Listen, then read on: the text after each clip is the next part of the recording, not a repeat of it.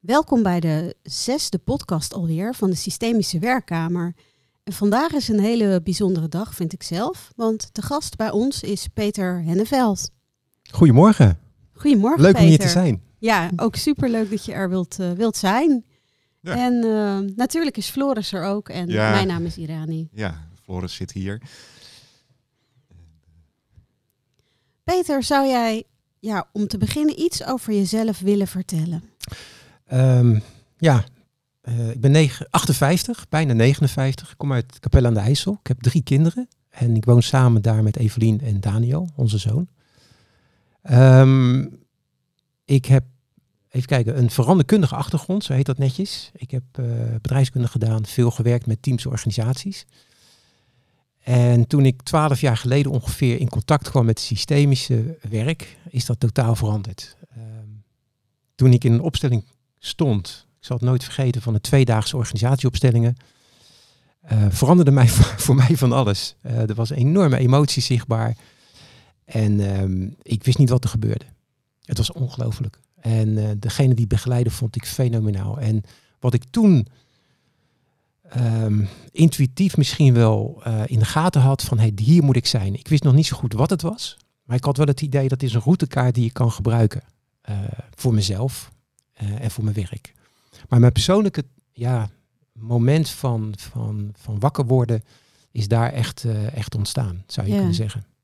Hey, en hoe ben je nou bij die organisatieopstellingen workshop terechtgekomen? Hoe kwam dat op je pad? Eh, nou, dat was iemand die dat, die dat zei. Maar moet je eens doen? Dat is nieuw. Of, en ik, ik was natuurlijk altijd docent en trainer. Ehm, dus ik, ik leidde mensen op. eh, ik deed aan communicatie, eh, ontwikkelingstrajecten, persoonlijke effectiviteit, leiderschap, eh, trainingen.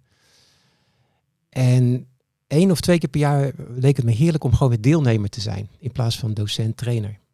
En eh, dus ik ging vol goede moed naar deze workshop toe. Maar niet wetende eh, wat, wat er zou gebeuren. En dat het ook ongelooflijk over mij zou gaan. Ja, Ja. ja. En het, het grappige was, ik kwam thuis. Ik kon het ook niet uitleggen wat er gebeurd was. Ik wist wel dat er heel veel rust in, me, in mijn lijf zat. Ehm, en een paar dagen later heb ik al mijn veranderkundige boeken, eh, laten we zeggen, letterlijk wegge- weggedonderd. Omdat ik er eigenlijk niet meer in geloofde. En de reden was dat ik altijd zoekende was in het begeleiden van teams, bijvoorbeeld naar, naar de essentie van het vraagstuk. En de, de technieken of de methoden die ik geleerd had, die ik gebruikte, ja, dat, het resultaat was niet zo heel denderend, vond ik altijd. En eh, wat op de achterkant van de boeken staat, in de, op de flap, dat, dat kreeg ik nooit voor elkaar, hè, die succesverhalen. Dus ik dacht ook van, nou ja, dat, dat zit of in die methode, of het zit ook vooral in mezelf, dat, dat, dat dit, dit niet helemaal lukt. Want eh, de, de verandering die ik eh, wenste en wilde met een team, ja, dat, dat kwam nooit zo goed uit de verf. Want wat was dat voor jou? Wat, Ja. wat wilde jij dan? En wat was voor jou de essentie of wat had je willen bereiken? Nou, ik zal je vertellen, die methodes die ik gebruikte zaten echt op, het, op de laag van het, van het denken. Eh, de structuurtjes, de methodieken, de, de, de modellen meer. Hè? Dus die werden dan Ja. wel geïntroduceerd als eh, eh, gedragsveranderingsmethodes. Maar ik had altijd het gevoel, ik, ik, ik kan de essentie niet pakken. Er speelt hier veel meer dan, dan wat nu op tafel ligt. Maar Ja. ik kon er ook geen goede woorden aan geven. Dus ik voelde wel, in dit team is er meer nodig. Dit zit misschien wel op de identiteitslaag. Maar ik wist nooit zo goed van hoe kom ik daar nou? Nee. Dus dan bleef het wel eh, op een aardige middag eh, waarin we oefenden met feedback geven. eh, kijken naar de samenwerking. Kijken naar dingen als vertrouwen in een team. Wat heel belangrijk natuurlijk is. Maar ik had niet zo heel veel vertrouwen dat het vanaf dat moment echt goed zou gaan met Mm. een team. En natuurlijk zat ik, zat ik heerlijk in de overdracht. Kom ik straks nog wel even op. Want ik wilde Ja. natuurlijk ongelooflijk graag mijn best doen. Ja. Het heel En, graag ehm, goed doen. ja. En het goed Ja. doen en te laten Ja. zien dat ik het allemaal kon. En ik ging natuurlijk als een gek redden. Ja, voor, wie ben Dat je hielp ook niet. voor wie ben je dan bezig? Hè? Ja, ja. Ja, en dat was inderdaad eh, eh, toen ik systemisch werken ging doen in de opleiding. Toen ontdekte ik dat het dus ongelooflijk in mezelf zat. Ja. Dat ik dus eh, in feite nog steeds mijn moeder aan het redden was. Eh, Ja. Als ik te hard van stapel liep.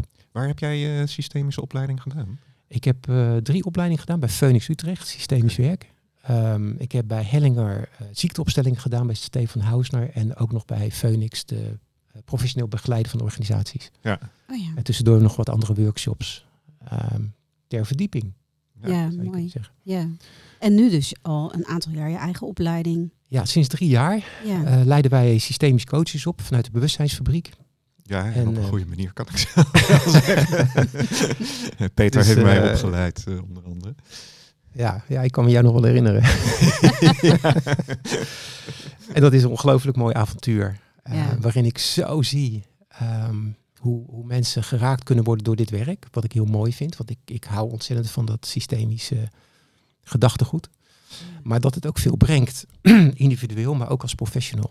En dat, Ja. vind ik, eh, ja, dat vind ik geweldig om te zien. Ja. En dat mensen er ook wat, wat mee kunnen.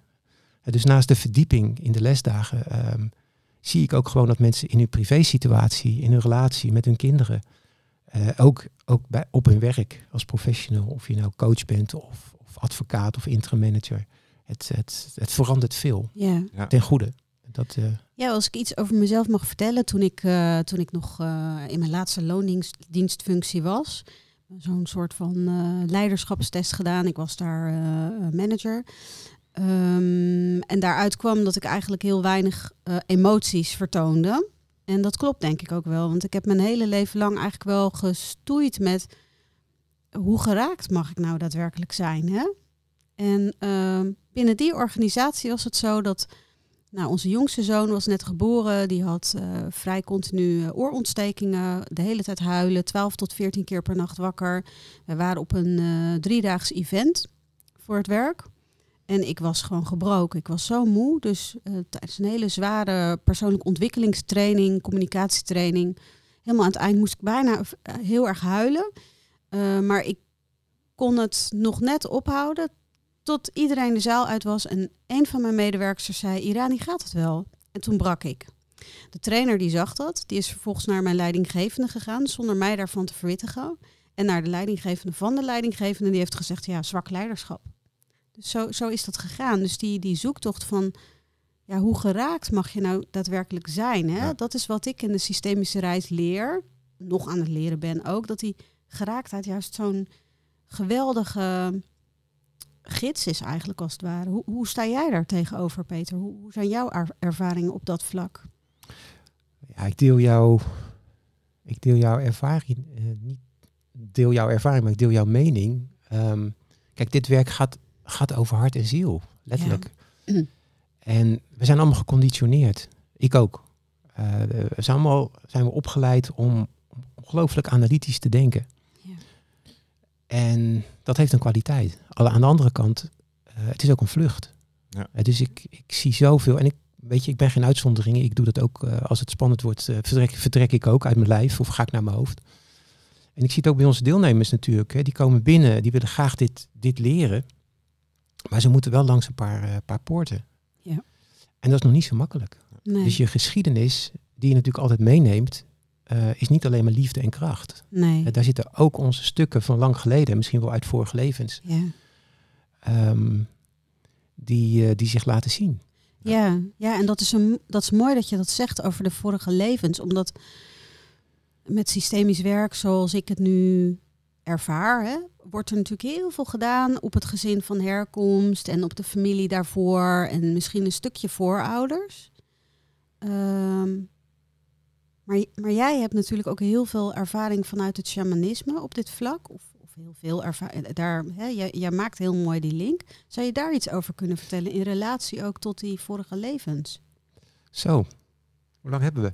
Ehm, Nou, wij hebben, wij hebben de tijd wel. nou ja, toen ik, toen ik systemisch werken ging doen, ik, ik zal iets anders eerst starten. Ik ben katholiek opgevoed. Ik heb veel gezien hoe mijn ouders in een koor zaten. Eh, en dat was een Russisch-Byzantijns koor. En dat, dat waren hele kleine groepen mensen die bij elkaar kwa- kwamen met, met, met wierook. Dus ik heb veel gezien aan rituelen, ongeveer tot mijn twaalfde. Daarna ben ik, ben ik daarmee gestopt zelf. Eh, had ik geen zin meer om te gaan. Vonden ze prima, trouwens. En toen ik het systemische zag, toen dacht ik, dit, is, dit ken ik. Dus het werken in de ruimte met metaforen, met archetypen. eh, het buigen voor een moeder of een vader zie ik als ritueel. Wat een, wat een diep, eh, diepe vorm is van, van eer geven, eren, buigen en danken. Ja, Toen ik een shamanistische opleiding afronde, eh, realiseerde ik me al ongelooflijk snel dat dat ontzettend verbonden is met dit systemisch werkveld. Ja. Eh, Dus in het noorden zitten onze ancestors, of onze voorouders. En indianen, aboriginals, eh, natuurvolken, die weten als geen ander hoe dat werkt met voorouders. Hè. Er is geen aboriginal die, die zijn voorouders zal, zal bekritiseren. Want die weten dat het, dat het negatief uitpakt voor, voor jou of voor mij. Als je Ja. dat nemen ze eigenlijk van nature aan. Vanuit, Ja, en die zijn er. Dat is een Ja. realiteit voor hun. Heeft Het- dat te maken ook met eh, wat in de Indiase cultuur karma genoemd wordt? Waarin iedere actie eigenlijk iets oproept. Actie is reactie. Eigenlijk is dat natuurlijk ook een heel ehm, ehm, wetenschappelijk fenomeen. Ja, de linie. Ja, daar weet ik weinig van. Ja, ja het, het mooie is dat, dat ehm, ik heb natuurlijk heel veel bestudeerd op het gebied van yoga en meditatie. En ik gewoon alleen als zijsprong even. Dat karma wordt hier in het Westen natuurlijk vaak iets gezien alsof het gaat over schuld. Maar daar zit natuurlijk ook ons collectieve pijnveld van Ja, schuld in het precies. Westen.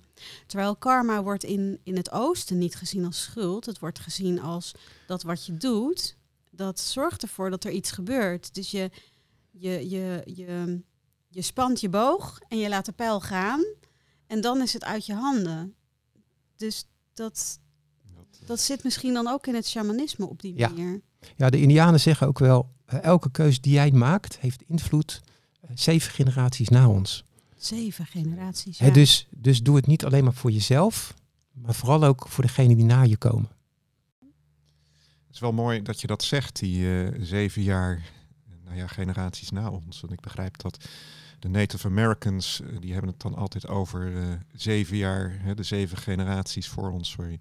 En ik vroeg mij af, zie jij ehm, overeenkomsten tussen systemisch werk en eh, het shamanisme, hè, waar vooral ook heel erg sterk gekeken wordt naar de, de voorouders, zoals ik dat begrijp? Ja, het systemisch werk. Hè? Dat is net alsof ik. nou, de voor, eh, hoe zeg je dat? De representant van ben. Ja, Even een zijpad. Ik, ik zie in systemisch werk twee stromingen. De eerste stroming die werkt met de geist. Hè, dat is dat Ja. traditionele, ja, hoe zegt Hellingen dat nou? Ja, geist, universele geest. En er is een stroming die, die ik om me heen zie, dat opstellers heel erg vanuit hun mentale mindset Ja. kijken naar dat veld. Ja. Ehm, dus het lijkt het alsof ja, dat intuïtieve, dat, datgene wat oplicht, wat we, Mhm. waar we moeilijk woorden aan kunnen geven, ik noem het wel eens grace. Hè, dus dan komt er in een opstelling plotseling iets anders. Ja. Dat kun je allemaal ervaren en voelen, maar je, je, kunt, je kunt dat niet vastpakken. Nee. Ja, daar hou ik zelf heel persoonlijk heel erg van. In de Ja. manier waarop ik zelf opstel en hoe ik mensen leer op te stellen. ja, het is... eh, Dus het systemische werk bestaat wat mij betreft niet. Ik zie ongelooflijk veel soorten, maten, klank en kleur. En dat is prima Ja. natuurlijk. Hè. Dat is een ontwikkeling die, die je ziet. Nou, de overeenkomsten, ja, die zijn er zeker. Hè. Dus het shamanisme gaat uit dat je meer bent dan lichaam, denken. Maar die is het lichaam, geest en ziel. Je, hebt een, je bent een spirit. En ook in de psychologie heb je ja, mensen die zeggen, nou, je hebt een ziel. En een, een andere stroming zegt, dat is niet waar. Dat klopt niet. Dat kun je niet weten. Dat kun je Ja. niet eh, onderzoeken. De tweede overeenkomst is, je werkt met energie. Hè, dus de kerntaak van een shamaan, zou je kunnen zeggen, is ehm, de energie te verhogen. En dat doet hij niet zozeer vanuit de persoon zelf, want die werkt met krachten van buiten. Dus we, we zijn niet individueel, we zitten, we zitten in een veld waar krachtenvelden zijn, waar, dat noemen zij dan natuurlijk de spirits. Ja. Eh, Dat kunnen de windrichtingen zijn, dat kunnen dieren zijn, dat kunnen voorouders zijn. Ehm, derde is, een shamaan brengt in contact wat uit contact is gegaan. En dat doen we denk ik in een opstelling ook. Ja. Dus we kijken naar zo'n veld en we zien dat er een voorouder is buitengesloten. En we zetten iemand als, als voorouder neer en dan, ja, dan ontstaat er meer rust in het veld, in het systeem. Ehm, en tot slot, ehm, ja, het gaat ten diepste denk ik over thuiskomen bij jezelf. Ehm, Dus weer con- connectie maken met ja, wie, jij, wie jij ten diepste bent. Ja. Dus we hebben het ego zelf, dus we denken dat we dat zijn. Maar ten, ja, ten diepste zijn we ja, die goddelijke vonk, zijn we die core, zo, ja, hoe je het ook wil noemen. Ja. En het shamanisme, het de shamanistische reis gaat heel erg weer terug naar jezelf. Een stukje Ja. heling, waardoor de balans ontstaat tussen lichaam, geest en ziel. Dus ergens ook de orde herstellen. Maar dan niet de orde van je gezin van herkomst. Waarin heel veel systemische werkvormen het stopt. Maar eigenlijk ga je een aantal stappen terug. Naar, Absoluut. Ja, de oorsprong van wie wij als spirits zijn. Ja, klopt. Ja. En even kijken, want ik vind ik altijd wel interessant. Ehm, je leest altijd, of lees, ik, ben- laat ik het zo zeggen, ik ben wel eens tegengekomen dat bij elk trauma een stukje van je ziel afbreekt. Is dat dan in het shamanisme dat ehm, het insluiten, wat ik altijd dat, dat, hoor bij, hè, binnen, binnen het werkveld waar wij ons eh, in bezig, bezighouden. Is dat, hè, is dat vergelijkbaar? Hè? Dat Absoluut. insluiten Dat is- met het hele van de ziel? dat noemen ze daar soul loss of zielsverlies. En door middel van een soul retrieval, dus dan ga je een reis maken naar je onderbewuste, kun je die zielen delen, natuurlijk met, met de spirits, met je helpers, kun je die weer terughalen. Ja. Eh, dus de, de technieken, de vormen zijn anders. Dus je werkt in het shamanisme met stenen, met natuurlijke materialen, met dieren, met, met, met veren bijvoorbeeld. Nou ja, Ja. whatever. Wat, en daar zit de kracht in van, ehm, van de aarde, van het dier. Ja. Ehm, dus we noemen het anders. Ehm, maar het komt toch op hetzelfde neer. We werken bijvoorbeeld in de op- opleiding met vier zielsdelen. Hè, dat is de persoonlijke ziel, Ja. de familieziel. Heb je, heb je het dan over de shamanistische opleiding? Nee, Of- onze of- eigen opleiding, Oh, systemisch ja, coachen. ja. Dus die persoonlijke ziel, de familieziel, de collectieve ziel en de universele ziel. Ja. Dus de vierlagige ziel.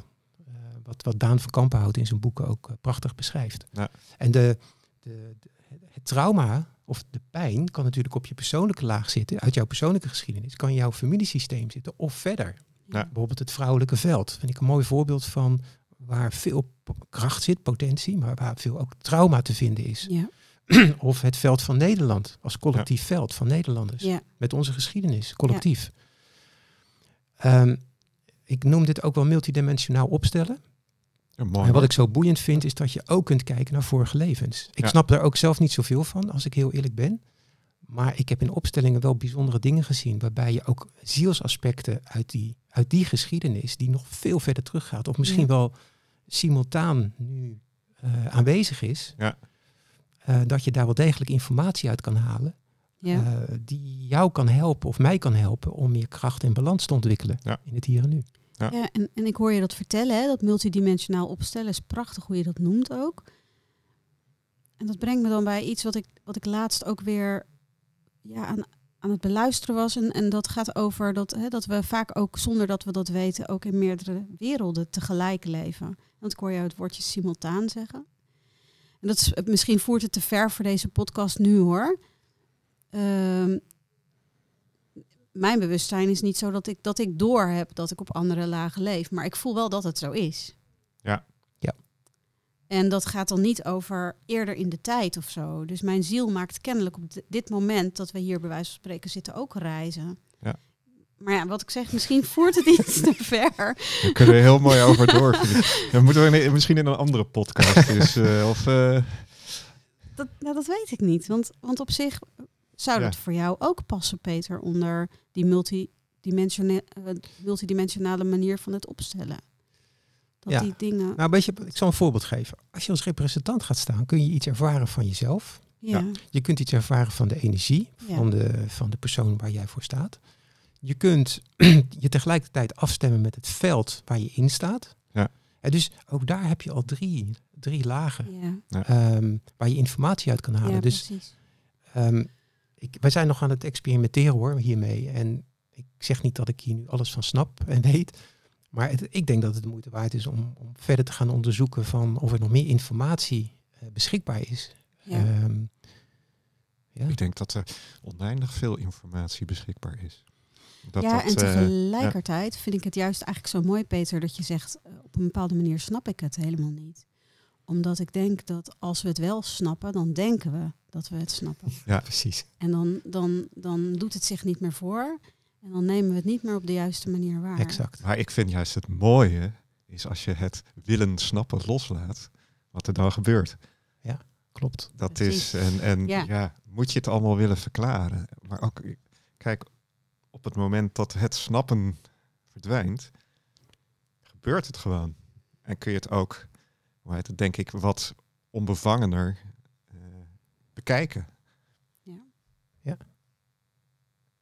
Dus, Ja. eh, Klopt. Het is wel mooi om ook even die stilte nu te ervaren. Ja. Dat is precies waar het over gaat. Ja.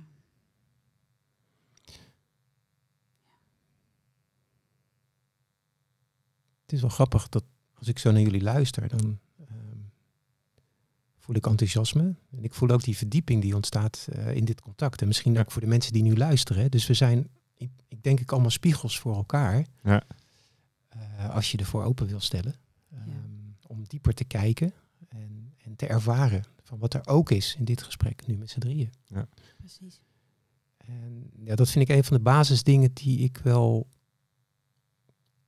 eh, graag mensen ook wil leren. Waar, waar ik natuurlijk zelf ook nog ontzettend aan het leren ben. Dat je een gesprek voert met een coachie. Ja. Terwijl er tegelijkertijd misschien wel drie of vier lagen en dimensies zich laten zien. Op Ja. welke manier dan ook.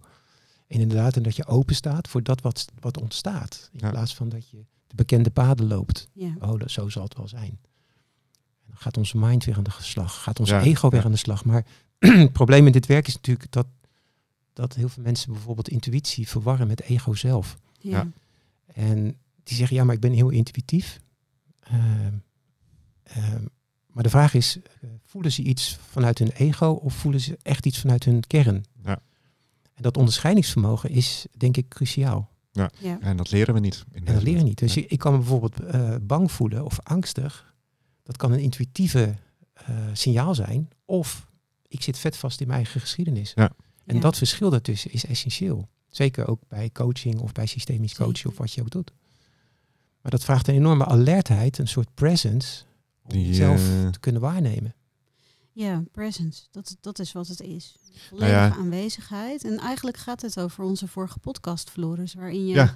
compleet in je gewaarzijn zit. Waardoor zeg maar, iedere vezel in je lijf ehm, ja, misschien wel ontvankelijk is. Ja, het, het besef dat op het moment dat jij met een coachie klant of weet ik veel wat aan het werk gaat, hè, met iemand anders of meerdere mensen, dat je het veld vormt waar jij onderdeel van bent. Hè, dat jij daar in dat veld zit. Dus dat ook hetgeen wat in jou gebeurt, dat veld beïnvloedt. Wat jij net al zei, Zeker. van als wat is, het, is het de representant hè, zelf die iets voelt, of komt het uit het veld? Het is zelfs met werken met teams. Hè. Dat vind ik zo fascinerend iets. Het is echt complex. Ja. Je werkt Ja. met het hier en nu. Je werkt met een vraag van een opdrachtgever. En er zitten zoveel lagen in. Dus Ja. je hebt de persoonlijke laag van een teamlid. Je hebt het collectieve stuk van een team. Je hebt een organisatie die er nog eens omheen zit. Je hebt de geschiedenis van de organisatie. En misschien nog wel twee, drie andere velden. Ja. Ja. En dat heeft allemaal invloed op gedrag, perceptie, nou ja, communicatie, samenwerking Ja. en vertrouwen van mensen. En waar En- begin je? En je eigen, hè, wat je, je eigen systeem, Absoluut. wat je in dat systeem weer inbrengt. We, begele- we, we besteden ontzettend veel aandacht aan de overdracht. ja. En dat wil ik toch nog even noemen als jullie het goed vinden. Dat Zeker. Ja, zeker. onwaarschijnlijk belangrijk iets is. Ja. De- Weet je, jullie en mijn systeem is nu hier eh, ook aanwezig. En ehm, eh, privé en werk eh, scheiden. Wat sommige mensen nog steeds denken dat dat kan. Dat, dat kan helemaal niet. Weet je, we nemen allemaal ons Ja. systeem mee. Ja. En dat systeem heeft invloed eh, op die professionele context. Ja, is je En baas, meer dan eh, je denkt. Is je baas je papa of eh, hè, bijvoorbeeld? Klopt. ja, of dus nog meerdere lagen verder dan Ja, dat. ja, Dan dat. ja, dat kan inderdaad. Ja, het is even een, een, een- misschien een plat voorbeeld, maar... Ja. Het, eh, En ik vind het wel een goed nieuws eh, dat er veel meer organisaties ehm, eh, openstaan om die onderstroom of het systemisch werken te, Om die te onderzoeken. Om die te onderzoeken. Ja. En te kijken, hey, waar, waar zit, hè, waar, hoe werkt dat toch, die krachtenvelden? Ja. Want we hebben al heel veel gedaan. We hebben al heel veel teambuildingsmomenten gehad. En we, we komen steeds weer terug eh, bij hetzelfde probleem. Ja. Dus er Ja. is iets anders aan de hand. Ja, Ja. dat is wel denk ik ook een mooi om de overstap meer naar teamwerk te maken.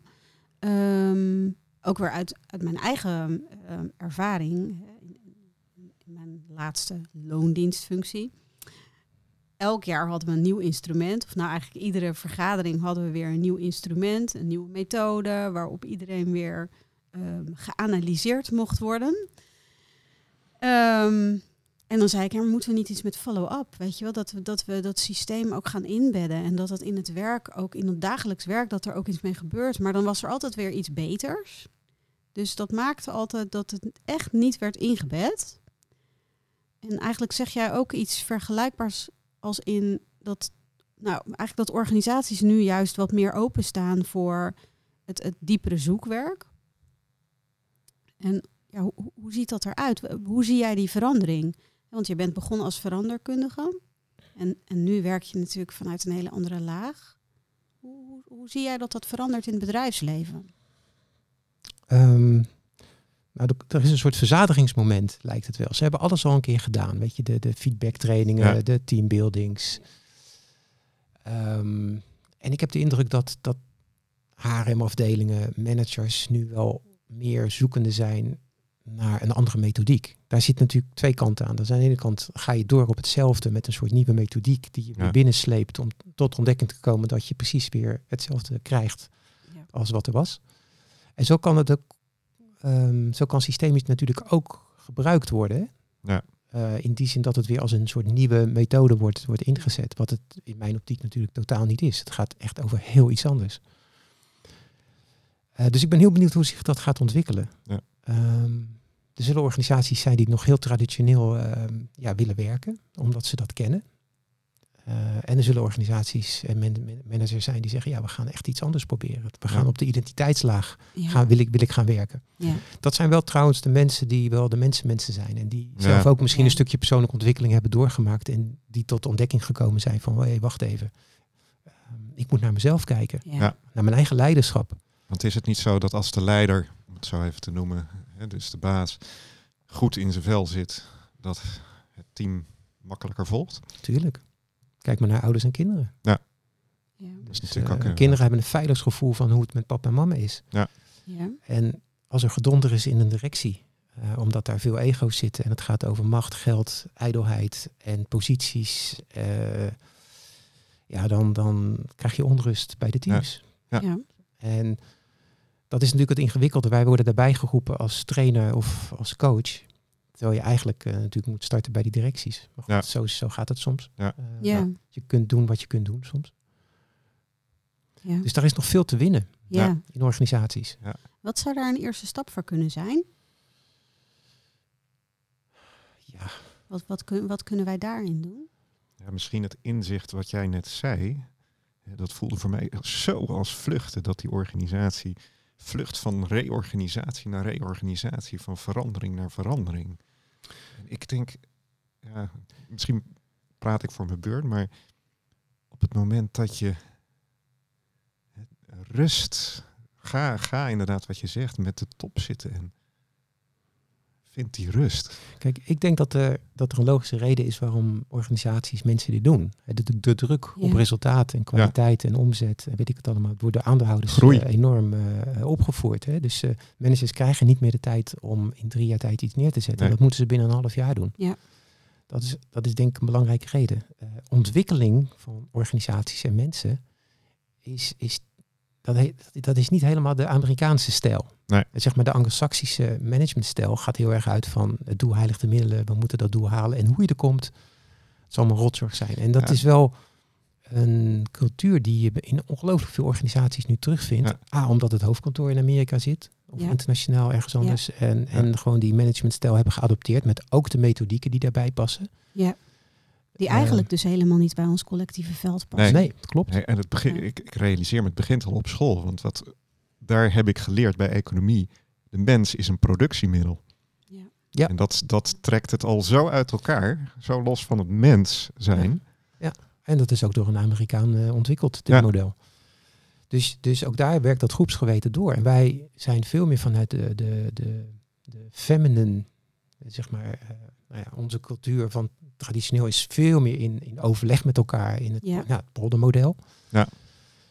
Ehm, ja, wat er nodig is, ik denk dat, dat er iemand wakker moet worden en, en zegt eigenlijk doen wij dingen heel veel uit angst.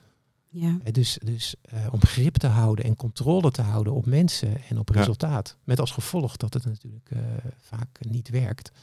Nou, dan vervangen we een paar managers en dan proberen we weer opnieuw. Ja. Ik ben er niet positief over, merk ik, als ik erover spreek. Ja, en als, als je Eh, er wel positief over zou kunnen spreken, dan denk ik dat het ook allemaal. Zou het niet op een soort mondiaal niveau. Ik zit het nu zelf even te, bij elkaar te, te, te voelen. Een soort van. Ja. Op een mondiaal niveau zal het wel ergens toe bijdragen. Ik ben dat eigenlijk... alles bij elkaar komt op een bepaalde manier, waardoor we ook als grote ja, collectief van de aarde, zeg maar, een, een andere beweging kunnen maken. Of Dat zo. is wel te hopen. Ja, Ja. Dat is, dat ja, dat is denk ik ook wel waar we op mogen vertrouwen dat dat gebeurt of zo. Kijk, ik geloof dat Er er nieuwe generaties aankomen van, van jonge mensen die, Die, echt eh, anders in elkaar zitten dan, eh, dan eh, die jonge Ja. mensen van Ja. 20, 30 jaar geleden. Ja. Zoals, we- zoals wij, zoals ik in de organisatie Ja. terecht ben gekomen. Dus ik ben in die zin ook wel benieuwd hoe. En we hebben ze allemaal nodig. Hè? We hebben ons nodig, we hebben de generaties voor ons nodig, En de de generatie. generaties na ja. ons. Dus we hebben het allemaal met elkaar te doen. Dan kom je eigenlijk weer op die zeven generaties van jou uit, Ja. wellicht. Ja, dat is Weet je, alles hoort erbij. Ja. In die zin. Ja. Ehm, Ja. ja. Hey, en jij geeft ook opleidingen voor ehm, ehm, eh, systemisch coachen in teams. Zeg ik dat dan goed? ja, wij gaan volgend jaar starten met een, eh, een leergang, opleiding, systemisch begeleiden van teams en organisaties. Waarin we mensen gaan leren hoe ga je om met de onderstroom. Dus naast de rationele, emotionele werken we dan ook met de systemische laag. Ja. En wat ik mooi vind is het thema trauma. Dat wil ik graag Ja. nog even benoemen. Dus dat ik, Ja. dat is een ontdekking van mij een aantal maanden, nou ja, een jaar geleden ongeveer. Ik had een opleiding gedaan bij Thomas Hubel.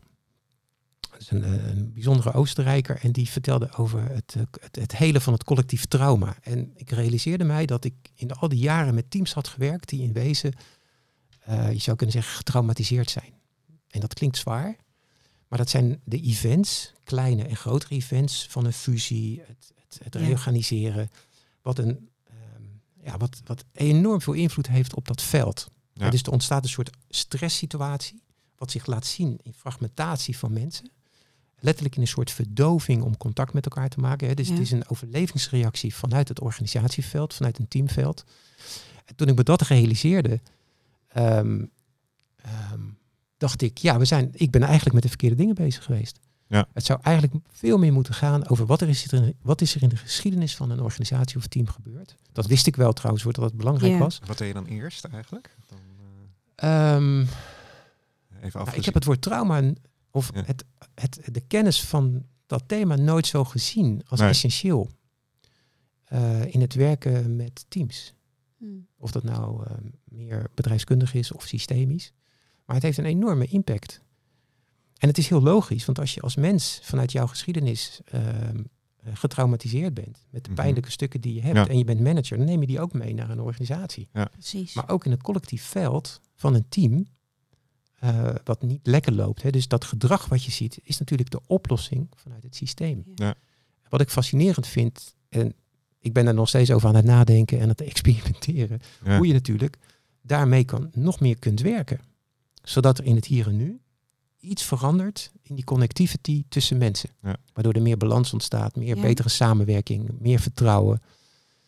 Ehm, en ja, ik vind het een fascinerend onderwerp. Ja. Wat, wat in mijn beeld nog erg onderbelicht is. Maar dan heb je het over trauma's. Hè. Kijk, je hebt binnen familiesystemen heb je trauma's. En dat is dan vergelijkbaar met ook organisatiesystemen. Zeker. Maar ook trauma's bijvoorbeeld die vanuit het familiesysteem in een or- organisatiesysteem worden gebracht. Zeker, ja. Dat, eh, Onbewust. Ja. En, en hoe zie jij dat dan bij familiebedrijven? Dat vind ik altijd wel een hele interessante. Nou ja, daar heb je natuurlijk een complete mix Ja. van de velden die door elkaar lopen. Ja. En posities en loyaliteiten. Ja. Eh, dat is best complex, natuurlijk. Ja. Maar het is net zo ingewikkeld als in, in een gewone organisatie hoor. Of in een gewoon bedrijf. Ja. Waar mensen te hard werken. Of waar mensen verstrikt raken met elkaar. Ja. Ehm, en echt wel werken hoor. Echt wel graag willen dat het goed gaat met het bedrijf. Maar op een of andere manier niet tot, tot goede samenwerking kunnen komen. Nee, en dan kom je wel weer op de bewustzijnslaag en op gewaarzijn, allebei. Dus je er niet van bewust zijn dat je zelf iets aan het doen bent, waardoor de ander een reactie vanuit zijn eigen Ja. geschiedenis geeft. Ehm, en dan ook nog misschien vertroebeld door het trauma wat er eh, plaats heeft gevonden. Of het trauma wat op dat moment binnen de organisatie plaatsvindt in de vorm van reorganisatie, in de vorm van een medewerker die weggepest wordt, een medewerker die ziek is geworden en niet, eh, en, en, en niet op zijn plek mag blijven. Dus dat zijn allemaal zaken die, ja, Ja. die ik me voor kan stellen dat dat mega complex is. Ja. En dat het zo belangrijk is dat er misschien in de eerste instantie wel woorden aangegeven worden, om het vervolgens be- ja, be- bewustzijn te creëren en vervolgens in het gewaarzijn te komen dat mensen ook gaan voelen.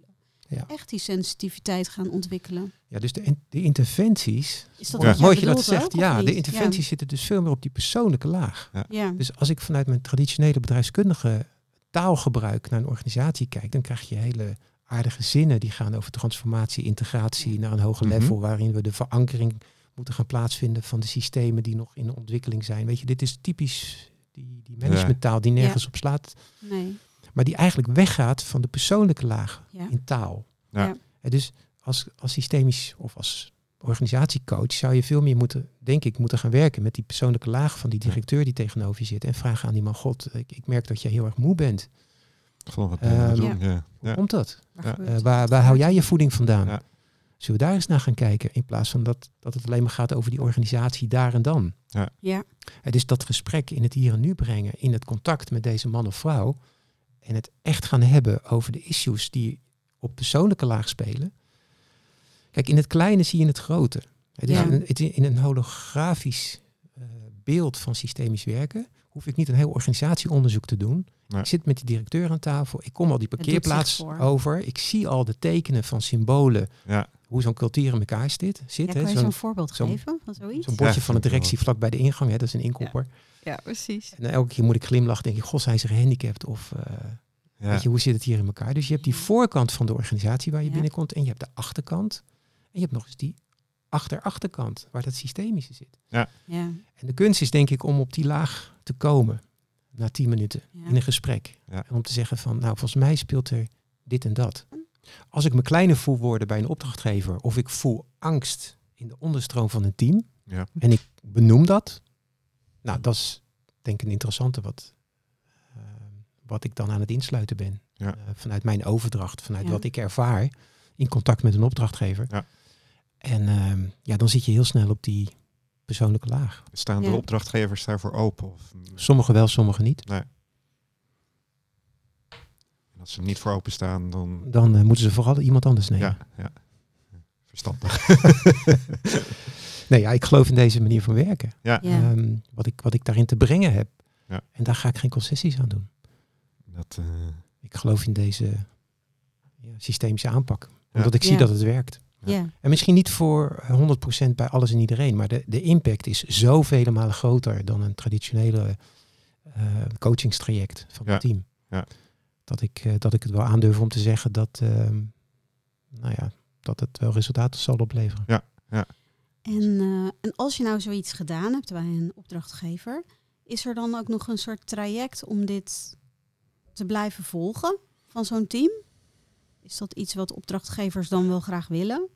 Of zitten ze na jou dan stiekem toch volgend jaar weer met een Ja, soms wel. volgende methodiek? Maar ja, die- alles is in verandering. Hè? Dus alles Ja. wat, we, wat we nu weer aan het, aan het ja, herstellen zijn, of, of dat er iets meer connectie komt. En over een half jaar is zo'n team vaak ook alweer weer... eh, eh, stappen veranderd. En er komen Ja. nieuwe mensen bij, zijn weer mensen weggegaan, Ja. of er is weer een fusie. Dat is Ja. moeilijk te zeggen. Eigenlijk zou je dat, zit ik zo te denken, van bij elk eh, nieuw teamlid ook eens een soort sessie moeten doen. Kijken wat zijn systeem meebrengt en in hoeverre dat eh, binnen het bestaande systeem past. Hè? Wat, wat de risico's zijn, de valkuilen. Ja, ik, ik denk dat het goed is inderdaad om bij een sollicitatie niet alleen Ja. te kijken naar competenties van mensen. Wat heb je geleerd en wat heb je gedaan? Ja. Maar ook waar kom jij vandaan? Ja. En wat Ja. heb jij, wat heb jij van huis uit meegenomen aan, Ja. aan enorme kwaliteiten, maar misschien ook aan, aan, aan kwetsbaarheid? Ja. Ja, Ja. trauma's eventueel die er Zeker. opgelopen zijn. Ja, en ik hoorde jou zeggen valkuilen en wat zei je nou nog meer? Ja, het is, het is Dat natuurlijk het angel. Want ergens heb je, als je bij een werkgever wilt gaan werken, heb je een soort van voorgenomen huwelijk. Dat is Ja. trouwens heel leuk. Vandaag is mijn trouwdag. Oh, gefeliciteerd. Nee, maar ergens heb je een soort voorgenomen huwelijk. En dan wil je vooral, denk ik, naar ehm, kijken naar wat, wat, wat kun je toevoegen, zeg maar, juist met de rijkdom die je Ja. meeneemt. En, en dat daar misschien wel bewuster mee omgegaan mag worden. Van hé, hey, er komt niet iemand met een secretariële achtergrond of een, een leiderschapsachtergrond of wat dan ook. Maar ja, wat, wat, wat maakt jou daarin dan zo uniek? Ja. En hoe passen we daarin bij elkaar? Ja. Ja, en hoe Ja. zitten jouw wortels in elkaar? En wat, neem jij mee Ja. ehm, met, met die achtergrond, met die kwaliteiten, Ja, maar ook met, met jouw diepe verlangen? Ja. ja, Ehm, ja, dan wordt het een ander gesprek, heb ik Ja. zo'n gevoel. Ja. ja. zeker. Dat is natuurlijk, ja, of de tijd daar al rijp voor is in, eh, in de huidige cultuur, in het huidige systeem. Ja. Ik denk dat het ervan afhangt of de begeleider er rijp voor is. Ja. Want als je er zelf, denk ik, ehm, klaar voor bent om dit naar buiten te brengen, dan komt de taal die erbij hoort vanzelf wel. En de vertaalslag die je moet maken om, ja, om, om tot contact te komen, die, die komt ook wel. Ja, weet je, als je de essentie pakt van systemisch, dat, dat is die connectivity. Ja, Wat is er in contact en wat is er uit contact? ja, Ehm, en wat moet er dan gebeuren? Ja. Weet je, dus ik, ik hou van de eenvoud hierin. Het is niet eenvoudig, maar ik hou wel van die eenvoudige benadering in die zin. Ehm, dan krijg je toch een ander beeld. En je kunt het mensen uitleggen die, die niet die taal spreken van het systemische. En nogmaals, ik, ik ben natuurlijk enthousiast van het systemische. Daarmee sluit ik, wil ik ook niet alle andere dingen buitensluiten. eh, om hier te propageren dat het systemische het enige en, en juiste eh, aanpak is. nee. Alleen ik kan alleen spreken vanuit mijn eigen ervaring. Dat ik zeg, ja, ik, eh, ik zie daar hele mooie resultaten van. Ja. Ja, die dus ook dieper gaan dan op andere lagen gaan. Dus verandering op andere lagen laten plaatsvinden. Absoluut. Ja. En er is nog veel te ontdekken. Hè? Dus Ja. Er zijn heel veel dingen die ik ook nog totaal niet snap waarom die gebeuren in Ja. organisaties en in teams. En Ja. die ik ten dele kan verklaren vanuit het systemische gedachtegoed, maar ook heel veel dingen nog niet. Nee. Dus ehm, ik, zie mezelf ook nog steeds eh, leren eh, en vooral zoeken naar wat, wat er speelt. Ja. En wat er nodig is. Ik denk zelf eigenlijk dat dat het allermooiste is als je kan blijven leren en kan blijven zoeken. Want alleen dan sta je open voor wat zich voordoet. Als je namelijk al weet wat er gaat gebeuren. Ja. dan ben je veel meer met een soort voorbedachte raden al aan het ja, misschien ben je interveneren of zo. Ja, aan het fixen. eh, Precies. Precies. Dat, dat je, dat je in, eh, zo moet het gaan worden. Dat is natuurlijk ook het gevaar van een, hè, wat je zegt, die contra- bij de contractering, wat je net al zei, ja, dat doe ik gewoon niet. Maar als jij een opdracht krijgt, meekrijgt vanuit je opdrachtgever, het moet zo gaan worden, ja, dat lijkt me heel benauwend. Dat is het ook. En ik heb dat in het verleden ook zeker gedaan. Hè? Ja. Toen ik eh, net eh, teamcoach eh, aan het worden was. eh, dat ik opdrachten aannam die ik achteraf gewoon niet aan had moeten nemen. Omdat Nee. ik ongelooflijk op een mooie plek werd neergezet. Die heel comfortabel was. Maar waarin ik natuurlijk veel te hard weer ging werken. Ja. Met het resultaat wat niet zo heel erg eh, bijster was. Ja. Nee, zonder dat ik het in de gaten had. En toch met dank aan die periode kun je nu deze Ik stappen ik heb zetten. ontzettend veel geleerd. Ja, Want dat merk ik bij mezelf dan in begeleiding ook. Dat ik zie mezelf ook nog soms wel eens veel te hard gaan fixen en veel te hard gaan rennen. Ik denk, oh, wat, is hier, wat gaat hier met mij aan de loop? En wat laat ik, hoe laat ik mezelf daar dan in meeslepen? Absoluut. Denk, oh, daar ga ik weer. nou ja, het is, Het is herkenbaar. Een vliegende start. Het, het oh, is, nee. Nou ja, je moet ook de moed hebben hè, om dat eh, aan te gaan dan met jezelf. Dat, dat van, Nou, dat, dat en- is... Met jezelf en met de ander. Dat Ja. is absoluut. Ja. Het vraagt eh, eh, ontzettend veel eh, zelfreflectie. Ja, daarom vind ik ontmoetingen altijd zo mooi. Van, ja, wat kun je daar zelf van leren, van de ontmoeting met de ander? Ja, Zeker. Ja. Zeker. zeker. Ik denk eigenlijk dat we tot een hele mooie... Ja, Het is wel een beetje punt rond. zijn hè? gekomen Ja. dat we eigenlijk wel het belangrijkste hebben besproken, hè, waar, waar we het over wilden hebben. En dat we een prachtig gesprek met elkaar hebben Ja. mogen voeren. En super waardevol Leuk. om jou eh, daarin wat eh, beter te leren kennen, Peter. Ja. En dank Ja. voor al je mooie ja, woorden. En Ja, wat Graag je erover gedaan. vertelt. En ook wat je, wat je meebrengt zeg maar, in het gesprek. Ja. Hè, dat, dat we eh, elkaar zo kunnen... jullie hebben me ook geïnspireerd. ja Dankjewel. nou, Ja, Ja. fijn. Vond het eh, was een mooie, mooie verbinding. Zo met z'n drietjes. Ja, Dus, eh, zeker. Dat, eh, Dus naar de luisteraars, ehm, we hopen dat jullie ontzettend veel plezier hebben gehad om eh, te luisteren naar deze podcast. Eh, nogmaals met Peter Henneveld als, eh, als gast. Ja. En Floris van Egoloos Leiderschap.